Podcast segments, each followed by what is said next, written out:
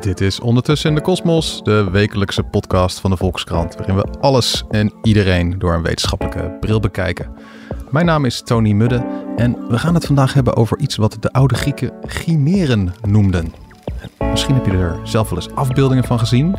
Een dier dat bestaat uit verschillende soorten. Bijvoorbeeld zo'n wezen dat dan half mens is en half paard of half leeuw en half slang.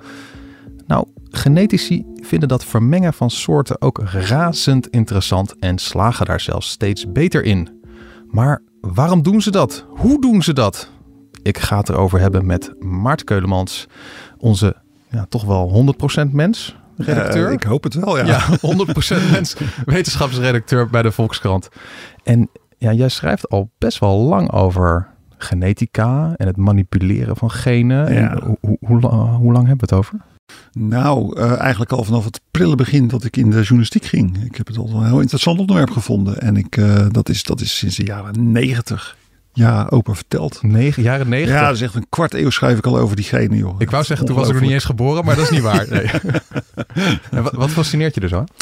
Uh, nou, toch wel het idee dat het, dat, het, dat het mogelijk is om.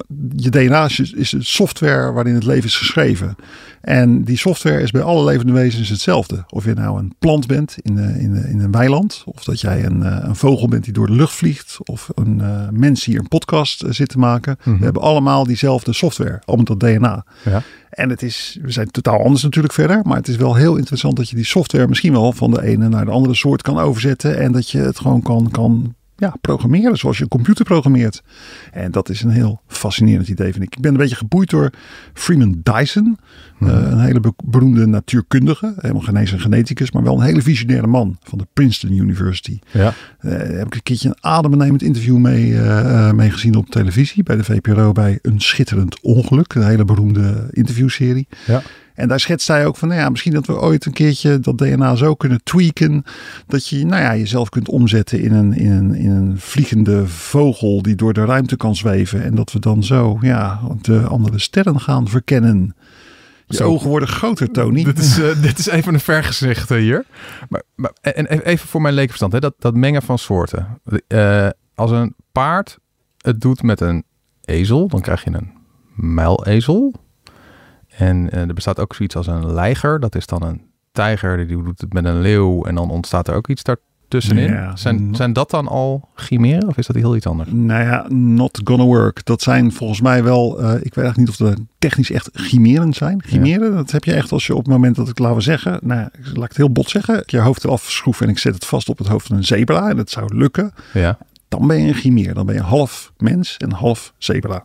Op zo'n manier, ja. En ja, dan de nieuwste genetische vondst, waarover jij ook uh, schreef voor de krant. Een mensenier die groeit, en dan komt hij, in een varken. Wat, wat is daar gebeurd? Dat, wetenschappers zijn er serieus ja. mee in de weer geweest. Tony, stel je voor, op een dag word je ziek. Je voelt je lamlendig worden, je voelt je niet lekker. En uh, je gaat naar de dokter. En de dokter die uh, kijkt jou eens goed aan en zegt... Tony, er is iets vreselijks aan de hand. jouw nieren beginnen ermee te stoppen. Je kunt aan de dialyse uh, de rest van je leven om je, om je bloed te zuiveren van afvalstoffen. Maar er is misschien nog wel een andere mogelijkheid, namelijk gewoon ja, jouw nier ergens vandaan halen. -hmm. nou ja, ik weet toevallig dat je enig kind bent. Je hebt geen, geen nauwe verwante broer of zus van wie je een nier zou kunnen krijgen.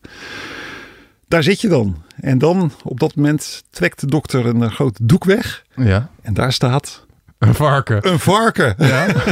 een ja. varken. En dat uh, moet dan de oplossing worden. Nou ja, dat, dat heet xenotransplantatie. Het idee dat je misschien een keertje een nier uit een varken zou kunnen halen en in jou kan zetten. Mm. Maar het is, geen, het is een heel groot probleem. Als ik dat zomaar doe met de nier van een varken. Ja, jullie, jullie, ja, jullie verschillen te veel van elkaar. Ja. Dat is een compliment voor jou, Tony. Je, bent, je verschilt zeer van een varken. als, als ik een, een varkensnier in jou zou zetten, dan zou jouw lichaam dat niet aankunnen. Dat gaat het afstoten. Dat, dat wordt één groot conflict tussen, tussen de, de, jouw afweersysteem en die nier van de varken. Jouw Ja. afweersysteem denkt, eh, dit, dit, deze nier die moet ik niet. Die hoort totaal niet bij, bij, bij dit lichaam. Die moet eruit. Ja, want dat doet het afweersysteem soms zelfs al bij menselijke organen die getransplanteerd worden. Precies, Dat precies. het afweersysteem dan zegt van, hé, hey, dit herken ik niet goed genoeg. Ja. En dan komt alles in het geweer om dat er weer uit te werken. Nou ja, je moet dan je leven lang allemaal heftige medicijnen slikken om inderdaad dat afweersysteem te onderdrukken. Om ja, dat afweersysteem maar in slaap te houden. Om te voorkomen dat het die nier gaat afstoten. En dat is inderdaad om met een mens, kun je nagaan. Ja, dus ik snap van oké, Ja. er is een tekort aan organen. Ja. Eh, en dan is een dierennier, als die goed zou werken, een optie. Maar blijkbaar kan het dus niet als het een nier is van een varken, want die verschilt te veel Ja. van mij. Dus kwam er vijf jaar geleden kwam er een, eh, een onderzoeksgroep uit Amerika van het Salk Institute. Die kwam met een krankzinnig idee. Die zei van, nou weet je wat, misschien als we nou eens gewoon een stukje Tony afpakken en dat gaan, gaan kweken in een varken. En daar gaan we een nier uitmaken. We gaan een soort klein Tony-niertje gaan welk, we stukje, kweken. welk stukje Tony wil jij van mij Nou ja, afpakken? we beginnen gewoon met een stukje, stukje huid, als je dat eh, aan kan. Of een bloedmonster, dat is Ja, prima. oké. In dat, die huid en in die bloed, bloedmonster, daar zitten, daar zitten cellen. Mhm. En die cellen die kun, kun je met moderne technieken kun je die programmeren. Die cellen die kun je met genetische technieken kun je die zeggen. eh, cel, jij denkt nu dat je een huidcel bent van Tony. Maar jij bent nu eventjes iets anders. Jij bent nu eh, ben jij een niercel.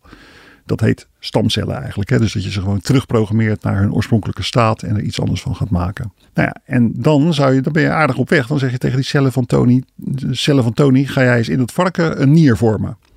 Dat is eigenlijk heel ruw het idee wat, eh, wat die onderzoekers hadden. En waarom moet het dan in een varken en kan het niet in een, in een, in een gla, op een Ja, bordje, of zo? Precies, dat, dat zou heel handig zijn. Maar op een bordje, daar lukt het gewoon niet. Je moet, ja, zo'n nier moet toch gewoon in een omgeving zitten waar die bloed krijgt, waar die voedingsstoffen krijgt, waar die Oh, ja. gewoon en ook in drie dimensies kan groeien.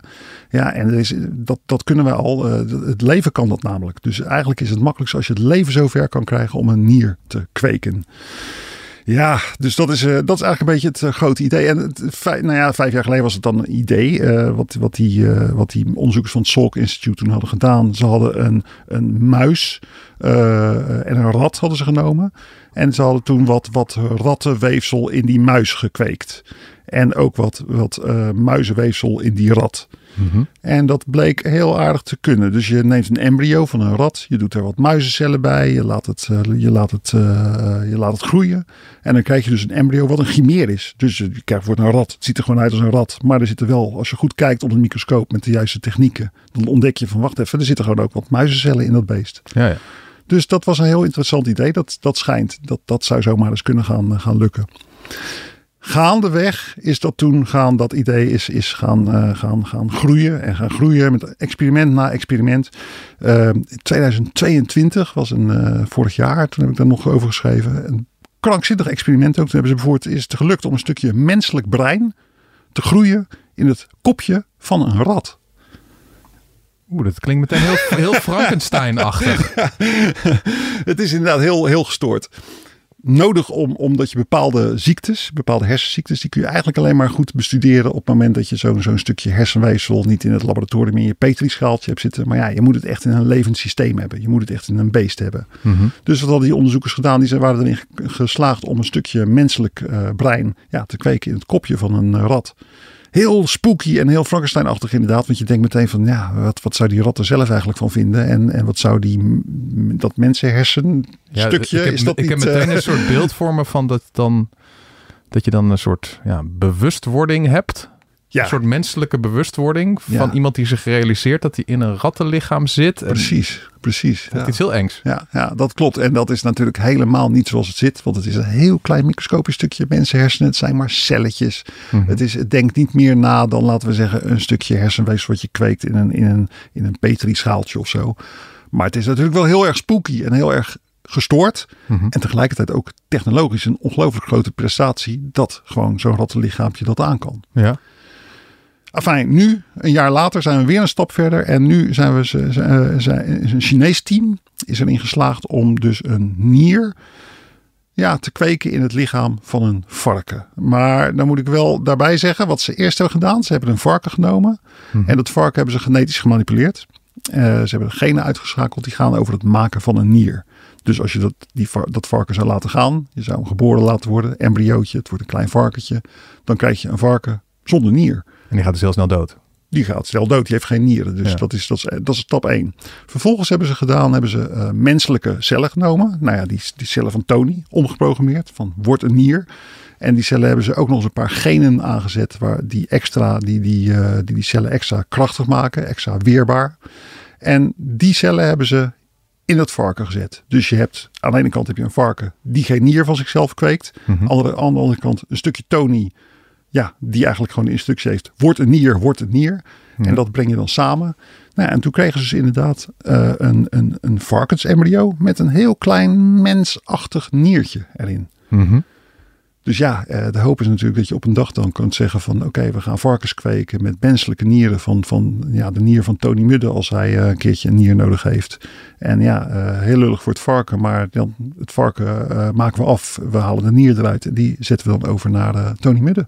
Nou ja, ik bedoel, als je nu schetst hoe snel deze ontwikkelingen gaan, van idee naar van, hé, hey, we kunnen dit al in een varkensembryo met een menselijk ni- nierachtig eh, orgaantje erin. Ja. Dat gaat best snel. Dat is, dat is bizar, ja. En wij hebben hier bij de, bij de Volkskrant altijd een, een vergadering hè, met de we- wetenschapsredactie. En dan zitten we met z'n allen bij elkaar en bespreken we een beetje het idee. En hier merkte je ook, zeg maar, toen jij dit vertelde, dat er een soort, ja, een soort tweedeling ontstond van mensen die zeiden van, ach ja, wij eten ook varkensvlees. Ja. Eh, Ook jammer voor het varken. Eh, maar ja, dan is een, als je een nier nodig hebt, is dat nog wel even wat harder nodiger. Dus eh, go for it. Ja. En ook mensen die toch een beetje be- tobberig begonnen te kijken. Zo van, ja jeetje, het begint wel heel erg Ja. voor God spelen te worden. En, Ja. en, en de natuur heeft zich maar te, te, te, te vormen naar onze grillen en wensen. En, Ja, nee, dat is een voorkomen terecht bezwaar. En, en ethici, dierethici, die zeggen ook van ja, wat je eigenlijk aan het doen bent. Ja, zo'n varken wordt in dit geval wel heel erg een soort, ja, hoe zeg je het, een kweekbakje waarin je allerlei organen gaat kweken. Het wordt wel een, een dinges. Ja. Het is geen varken meer, maar het wordt een ding. Ja. En het verdingelijken van het dier, zeggen filosofen op dit punt ook altijd. Ja, dat is natuurlijk best wel bedenkelijk. En je mag hopen dat het op een gegeven moment, als, als je dit, deze techniek onder de knie zou krijgen, dat het op een gegeven moment misschien ook wel lukt om het eens een keertje zonder varken te doen. Zoals we nu ook al lapjes vlees in het laboratorium kweken om op te kunnen eten. Ja. Dus, dus dat, is wel, eh, dat is inderdaad wel een ingewikkeld eh, iets. Ik moet er wel meteen ook aan, aan toevoegen. Mijn, mijn, mijn verweer was tegen toen we die discussie kregen in de vergadering. Was ook wel een beetje van ja jongens, we gaan het nou meteen over de ethiek hebben. Mhm. Maar er gaat er wel iets aan vooraf. We zijn nog lang niet zo ver. We zijn er nog lang niet. Er zijn nog een hele hoop dingen die gewoon nog, nog niet deugen. Eh, om één ding te noemen. Eh, Mhm. Het was niet helemaal gelukt om een, een nier te kweken. Puur een mensennier en puur een varken eromheen. Dat ging in elkaar overlopen. Die nier bleek uiteindelijk ook voor een gedeelte nog uit varkenscellen te bestaan. Ongeveer Aha. de helft was gewoon nog varkenscellen. Dus als je die dan met eh, gaat overtransplanteren, dan gaat het lichaam waarschijnlijk toch zeggen, hmm, Dit, is een varken. Dit is eh, niet mensen, weg ermee. Ja, precies, ja, ja, ja. precies. Dus, dus dat, is, dat is echt waar, iets waar ze nog heel hard aan moeten werken. Ja. ethisch gezien was ook heel ingewikkeld dat eh, een aantal van die mensencellen die bleken te gaan groeien in het varken.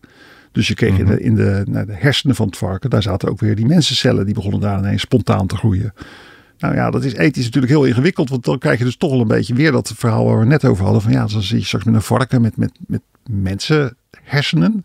Wat, wat, eh, wat moeten we daar dan weer mee aan? Ja, en dan, dan, dan wordt het zeg maar een, een nog ingewikkelder ethisch vraagstuk. Zo van, wat kan je dan nog met dat varken, waar misschien, dat misschien ook een heel klein beetje mens is, Ja, precies. doen vervolgens? Dus dat moeten ze allemaal nog veel, veel beter onder controle krijgen voordat dit überhaupt kans van slagen heeft. En wat bijvoorbeeld ook nog niet, eh, ja, het zijn een beetje de kleine lettertjes van het onderzoek, maar dat is wel heel belangrijk. Ze weten nog helemaal niet hoe goed die nier het uiteindelijk gaat doen. Mhm. Eh, ja, je weet helemaal niet, misschien is het wel een nier waar je helemaal niks aan hebt. Nou, dan zit je daar met je menselijke nier waar je als eh, patiënt misschien wel helemaal niks aan hebt.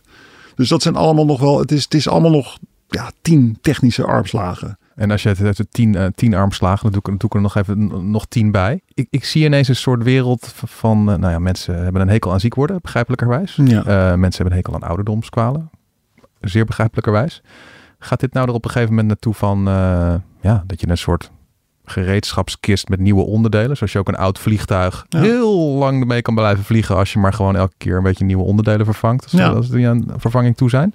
Nee, precies. Je dan op een gegeven moment is- zoiets van, oh, wow, het wordt een beetje oud, mijn hart doet niet zo goed meer. Hup, een Ja. mensenhart in een varken kweken, nieuw hart erin en weer door. Ja, ze zijn begonnen met nieren, omdat eh, er zijn heel veel nierpatiënten. Er zijn heel veel mensen die een nier nodig hebben. Maar ze schrijven ook in het onderzoek, uh, deze onderzoekers, van, van ja, uh, wat, wat lukt met nieren? Dat kan natuurlijk ook best met harten, longen, uh, ogen, ja, you name it. En dat is wel heel gek, want dan krijg je natuurlijk, jij hebt zo'n gezegde van, van een, een techniekfilosoof, Seth, Seth Shostak heet die man, een moeilijke naam. Die heeft een keertje gezegd van ja, leuk, je kan, je kan een paard nemen en daar kun je onderdelen van gaan vervangen. Totdat je op een gegeven moment het laatste onderdeel op vervangen. En dan heb je, wat heb je dan eigenlijk nog? Heb je dan nog, een, heb je dan nog wel een paard? Ja. Dat is natuurlijk zo, als ik alsmaar onderdelen van jou ga vervangen. Ja, op een gegeven moment is er geen Tony meer over, zal ik maar zeggen. Ja, ik zou zeggen, dat houdt een beetje op zodra je ook hersenen gaat vervangen. Ja, misschien. Ja. Ja. Als we daar nou een computer voor de plaats Dat zal de laatste stap zijn. heb je nog meer voorbeelden van chimeren? Ja, nou ja, ik ben vorige week ben ik nog langs geweest in een heel ander soort, uh, voor een heel ander soort verhaal. Ook bij een, een. Uh, een meneer in Nederland notabene die aan chimeren werkt. Iets totaal anders. Dat zijn geen varkens voor medische doeleinden. Maar dat is een voedingswetenschapper was die meneer. Henk, Henk Hogekamp heet hij. En hij heeft ontwikkeld, ik sloeg daar enorm op aan, een sojaboon met varkenseiwitten erin. What the fuck? Wat is er mis, mis met de, de, huidige sojaboon? Nou ja, dat dat nodig zou zijn? Hij, hij mikt op betere vleesvervangers. Hij zegt van ja, weet je, uh, we, we maken tahu en, en tofu en zo van, van soja. Mm -hmm. Maar het zou natuurlijk ideaal zijn als je gewoon, ja, als die vleesvervangers nog voedzamer konden worden. Als, als je uh, ja, uh, vleesvervangers had die nog vleesachtiger zouden worden. Die, waar je ja, gewoon meer voedings, voedingsstoffen in, die een andere bite hebben als je er je tanden in zet. En, daar kan me iets meer voorstellen. Ik ben, ja. zelf, ben zelf uh, vegetariër die wel, uh, nou ja, tot wat is het, vijf, zes jaar geleden wel vlees at. Ja. En uh, de bitterbal en het spekje, dat mis ik nog steeds. Totdat je inderdaad een goede bitterbal met vleesvervanger krijgt. Die, die, is niet meer van echt te onderscheiden. Dat maakt echt geen, geen donder meer uit. Ja, en als daar dan geen dieren voor dood moeten, dan, dan, dan, teken je sta ervoor. ik voor Precies. in de rij bij de supermarkt. Ja, ja. ja. ja en, en ik moet zeggen dat uh, die Henk Hogekamp, die denkt ook vooral aan de derde wereld. Hij zegt van ja, weet je, we maken op dit moment mee dat er gewoon ontzettend veel mensen uh, uit armoede komen en, en meer welvaart te krijgen. Die mensen willen allemaal vlees eten. En uh, ja, waar haal je dat allemaal vandaan? Moeten we nou allemaal massaal weides vol met koeien en kippen en andere beesten gaan zetten? Dat wil je eigenlijk helemaal niet. Dat is heel slecht voor het milieu, slecht voor het klimaat. Mm -hmm. En voor een hele hoop mensen in de wereld is dat ook gewoon te duur. Omdat het duurt gewoon een hele tijd voordat jij eindelijk jouw varken zover hebt dat die groot genoeg is dat je kunt slachten. Dan moet je eerst heel veel voer in stoppen. Dus hij ziet het ook heel erg als een oplossing voor de derde wereld om ja, vleeseiwitten te voorzien. Dus uh, nou, het is een heel spannend idee. En uh, het grappige is, hij heeft het ook gewoon puur gedaan door weer dat, dat herprogrammeren. Hè. Je neemt een sojaplantje en zij zijn erin geslaagd om uh, het DNA van die sojaplant zo te manipuleren dat het ook een dierlijk eiwit voortbrengt. Normaal brengt zo'n sojaplant alleen, ja, het DNA programmeert alleen voor, heeft alleen het bouwplan voor, bouwplan voor, voor plantaardige eiwitten. Nou ja, je kan er ook een stukje DNA in zetten waardoor het dierlijke eiwitten gaat maken. En dat, dat sojaboontje wordt dan iets vleesiger qua structuur of zo. Ja, bizar. Ik, hij had het niet in Nederland. Heb je het opgegeten? Nee, nee, hij had het niet. In, dat mag niet in, uh, in Nederland. Dus hij uh, kweekt ze in, uh, in ik geloof in Amerika dat hij dat aan het doen was. Dus hij had ze niet in Nederland, maar ik heb wel foto's van gezien. En dan zie je dus echt, ja, normaal als je een boon door midden snijdt, dan zie je zo'n groen binnenkantje. Gewoon, ja, een boontje. Maar nu zag je dus een soort ja, vleesachtige roze binnenkant. Ik wist niet wat ik zag. Dat is, gek, dat hoor. ook precies waarom ik daar langs. Ik dacht van, nou ja, dit is toch uh, te, te, gestoord voor woorden eigenlijk. En het is ook een hele mooie vondst, want het is een beetje dat je denkt van ja, um, uh, in, in eerste instantie denk je wat creepy. Tot je er wat beter over nadenkt. En dan denk je, nou ja, het is eigenlijk zo gek nog niet. Ik heb natuurlijk ook die vraag gesteld van, joh, hallo, uh, is dit nou al uh, genetische manipulatie van, van boontjes en met varkens erin en zo? Is het nou wel een beetje oké okay wat jij aan het doen bent? Toen antwoordde hij dit. Ja. De, onze vrienden zijn mm -hmm. biologisch stil. Ja. Uh, onze vrienden zijn regeneratieve agriculture. Onze vrienden zijn veganistische movement. Uh, noem maar op. Iedereen die eigenlijk allemaal anti-GMO zijn. Ja. Omdat GMO staat voor uh, weet je wel, voor, in hun ogen voor uh, grote evil corporations, weet je wel, wat, ja. wat dus niet eens is. Um, wat nou als je betere kwaliteit eiwitten die meer functie hebben uit één plant op, op één stuk aarde kan groeien, omdat dat toch groeit en de bijproducten daaruit kan halen. Wat nou als je dat kan, kan telen wat in overeenkomst is met regenerative agriculture? Ja.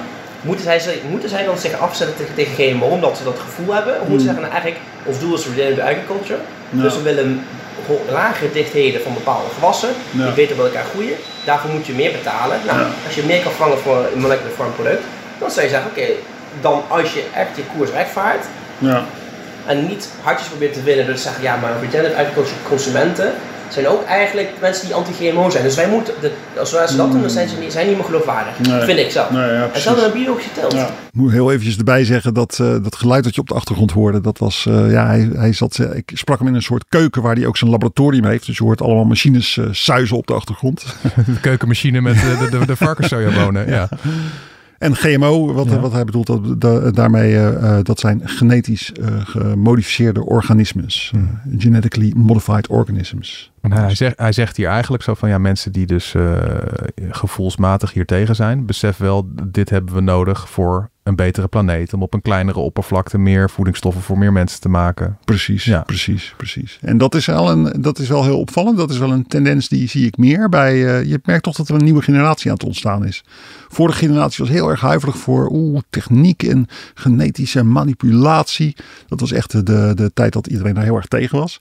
En nu zie je vooral de jonge mensen die gewoon ja, wetenschappelijk geschoold zijn, die zijn helemaal niet meer zo bang voor, dat, eh, voor die genetische techniek. Die zeggen van ja, je moet het ook gewoon het beste van maken.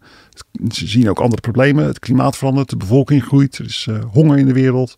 Ja, als je die problemen nou kunt oplossen door inderdaad genetische manipulatie, wat is daar eigenlijk verkeerd aan? Het is ook heel opvallend dat hij flirt daar ook heel nadrukkelijk mee. Ze noemen het ook eh, piggy soy, eh, varkentjes eh, soja. Mhm. Dus echt gewoon, ja, zij flirten echt met het idee van kijk, we hebben gewoon soja en varken en die hebben we gewoon samengebracht in één ding wat je kan eten, een boontje. Nou, ik denk dat voor, voordat je de, nou voordat de consument in de supermarkt zo rijp is, weet je wel, als je ook al die advertenties ziet voor 100% biologisch. En voordat, Ja. je, voordat mensen die brug gaan nemen van oké, ik weet dat dit genetisch gemanipuleerd is en dat ga ik nu opeten. Ja, Ik denk dat dat voor veel mensen nog een behoorlijke brug te ver is. het zou kunnen, Tony. Weet je wat wel zo is? Als je gewoon in het schap kijkt met de vegetarische vleesvervangers. Ik sta daar ook regelmatig omdat we heel weinig, eh, ik eet wel vlees, maar heel weinig. En, en die vleesvervangers die worden ook gemaakt door ja, genetisch gemodificeerde eh, schimmels en bacteriën. Dus dat is, dat is, dat is Ja, dat allemaal weet ik dan gewoon niet. En dan, eh, ja, ja, Precies. ja. Maar gewoon jouw, ja, weet je wel, jouw, jouw stukjes kipvleesvervanger en zo, dat, dat, dat zijn gewoon, dat, dat wordt met allemaal hele hoogwaardige technieken wordt dat, eh, wordt dat gemaakt natuurlijk. Ja. Dus ja. En is er ergens op de wereld, eh, want je zei van dit wordt gemaakt in Amerika, is, is er ergens op de wereld zijn ze gewoon heel soepel en, en, en ligt er echt beduidend meer al in de schappen qua genetisch gemodificeerd voedsel dan hier? Ja, eh, zeker in, eh, in Zuid-Amerika. Argentinië is een beetje de bakermat van genetisch gemodificeerde gewassen. Amerika, Noord-Amerika, daar is ook heel veel genetisch gemodificeerd spul in de winkels. Mhm. En het interessante is eigenlijk, dat ben ik een beetje op het spoor en ik ga daar nog wel eens mee op door ook. Je hebt ook in Nederland, kun je als je, eh, als je goed zoekt, vind je wel degelijk al producten waarin bijvoorbeeld genetisch gemodificeerd mais zit. En dat is dan gewoon geïmporteerd uit Amerika. En er zit dan genetisch gemodificeerd eh mais in. Maar bijvoorbeeld, ja, wij hebben allebei een eh, broek aan. Kan ik wel vertellen aan de luisteraars. en de, de kans is best wel aanwezig dat die, dat, die- dat is gemaakt van genetisch gemodificeerd katoen. Omdat heel veel katoen is genetisch gemodificeerd. En wat is er dan genetisch gemodificeerd aan? Waarom? Dat het, Het dan is- beter bestand is tegen droogte en dat Te- tegen ziektes vooral. Het is Ah, eh, ja. een beetje de eerste generatie genetisch gemodificeerde eh, organismes. eh, die, zijn, die werden zo gemaakt dat ze beter tegen allerlei eh, plaagdieren en plaaginsecten kunnen. Dus, en wat je er ook van vindt, ja, wij hebben het dan gewoon aan. dingen. En wa- waar tegenstanders soms ook eh, voor waarschuwen, zeggen ze van ja, dan, dan vraagt een groot bedrijf, Monsanto of zo, die, die vraagt daar patent op aan. Ja. En dan vervolgens hebben zij patent op mais. Ja. En want dat is dan het enige dat nog beschikbaar is. En hoe, hoe reëel is die angst? Ja, dit is een, een, een reële angst. Ehm, weet je, de, de, de voorstanders van de nieuwe genetische revolutie, die zeggen eigenlijk van ja, luister, eh, als je die technieken beter toegankelijk maakt, dan kunnen ook kleine bedrijfjes zoals eh, Henk Hogekamp uit eh, Nijmegen, die gewoon in zijn keuken zit, die kan ook dit soort producten gaan maken. En dat is natuurlijk heel goed voor het ondernemerschap. Aan de andere kant heb je altijd wel weer het eh, probleem dat ja, ook als Henk Hogekamp een, eh, iets, iets bedenkt wat heel breed wordt toegepast, ja, dan kan hij daar patent op aanvragen en dan moet hij dat licentiëren en dan nog zul je zien dat een arme boer in de derde wereld die er gebruik van wil maken, dat hij misschien toch nog geld moet betalen aan nou ja, Henk Hogekamp in dit geval, om er gebruik van te mogen maken. Dus dat is een best wel ingewikkeld uh, veld is dat. Ja, het is ook weer zo'n ja, zo'n spannende techniek met potentieel hele grote voordelen voor de mensheid, maar ook ja, risico's. Er is niet zo lang geleden is er een onderzoek geweest van het Rattenau Instituut. Uh, dat is een instituut in Nederland dat zich bezighoudt met allerlei ingewikkelde ethische vraagstukken. En die hebben het gewoon in Nederlanders rondgevraagd. Van Nederlanders, wat vinden jullie eigenlijk van al dat gedoe met genetische gemodificeerde gewassen en voedsel? En eigenlijk blijkt daar telkens hetzelfde beeld uit. Mensen die zijn best wel bereid om genetische manipulatie toe te staan. Als het maar gaat om medische toepassingen. Als het maar gaat om dingen die echt nodig zijn. Ja, op het moment dat jij, niet voor spielerij. nee, op het moment dat jij zeg maar ja, dat jij inderdaad echt jouw jou, jouw dochter of je, je zoon uh, wordt heel ziek en heeft een nier nodig. Ja, dan ben je, dan ben je zover dat je desnoods dat varken zelf zijn nek omdraait, zeg maar. om, je, om je kind te redden. En op het moment dat het echt luxe wordt, dan zijn mensen er veel meer aarzelend in. Op het moment dat je alternatieven hebt, ja, waarom zou je dan uh, genetische modificatie gaan, uh, gaan toepassen? Dus dat is een beetje de stand van zaken. Helder, dankjewel. En, en even, even tot slot, weet je dat wij iets heel fancy nieuws hebben bij uh, Ondertussen in de Kosmos? Ik heb geen flauw idee, vertel het me. We hebben een e-mailadres. Wat is dat? Ondertussen in de Kosmos, volkskrant.nl. Geweldig. En uh, we dachten, we gaan iets heel moderns doen. Iets met interactie en zo. Hmm. En uh, de volgende aflevering gaat over overprikkeld zijn. Dat, hè, er zijn overal van die uh, ruimtes van die dan prikkelarm zijn. En mensen zeggen het ook vaak van ik ben overprikkeld. En je hebt zo'n bestseller, het overprikkeld brein. dus daar gaan we een aflevering over maken. Van wat is daar nou aan de hand? Daar zijn mensen echt meer overprikkeld. En hebben die mobieltjes daar een rol bij of niet? En als je nou zelf iets hebt met dit onderwerp.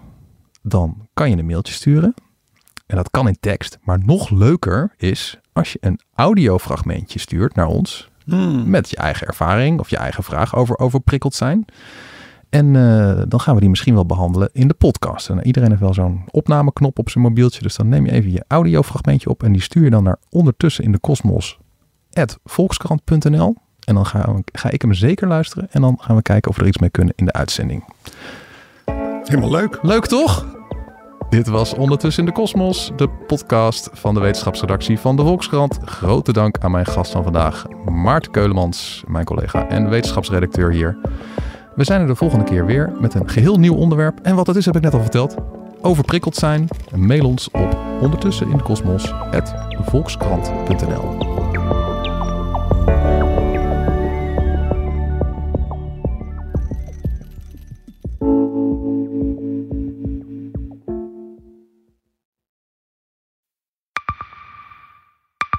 zijn leven is overhoop gegooid. Plus dat heel veel mensen hem niet geloven. Vrienden niet, die, die denken, ja, hij is gewoon gek geworden. Hoe naar moet dat zijn? Als je vertelt over de meest indringende ervaringen uit jouw leven en niemand gelooft dat je het echt hebt meegemaakt. Ja, ik vind zelf niet dat ik het verzonnen heb, maar sommige mensen denken dat wel. Maar hoe kom je erachter of jij je doelwit bent van een geheime dienst? Ik heb ook wel eens meegemaakt dat je het idee hebt dat inlichtingdiensten in je geïnteresseerd zijn. En dan kun je wel heel veel zien, wat er misschien helemaal niet is. Als ik s'avonds nog iets ging eten, dan volgden die mensen mij naar het restaurant. En dan terug van het restaurant naar het hotel. Als zij op een gegeven moment zei, kijk maar uit, want anders word je dadelijk nog het voert ook. Shit, ik moet hier weg. Dat is, dat is niet goed. Nu word ik gevolgd. Een soort Truman Show is het gewoon. Hè? Alsof dat hele straatbeeld voor jou is ingericht. Maar dan wel met bedoeling jou niet door te laten. Dit kan geen toeval zijn. Een nieuwe podcast van de Volkskrant. Mijn naam is Simone Eleveld en samen met Huid Modderkolk ontrafel ik een bizarre operatie van de geheime dienst. Wat het doel ook is, jij verliest het. Ik werd opgepakt, heel lang ondervraagd. Maar hoe krijg je grip in een wereld die zo onderzichtig is? Als je zou liegen, dan zou je niet de meest relevante informatie twee jaar later tussen neus en lippen doorvertellen. Er zal nooit iemand zeggen: Oké, Bart, ik geloof je. Nooit, nooit. Dit kan geen toeval zijn. Vanaf 3 oktober bij de Volkskrant. Ik weet niet of ik ook alles kan vertellen. Het is echt te bizar. Wat? Um, ja.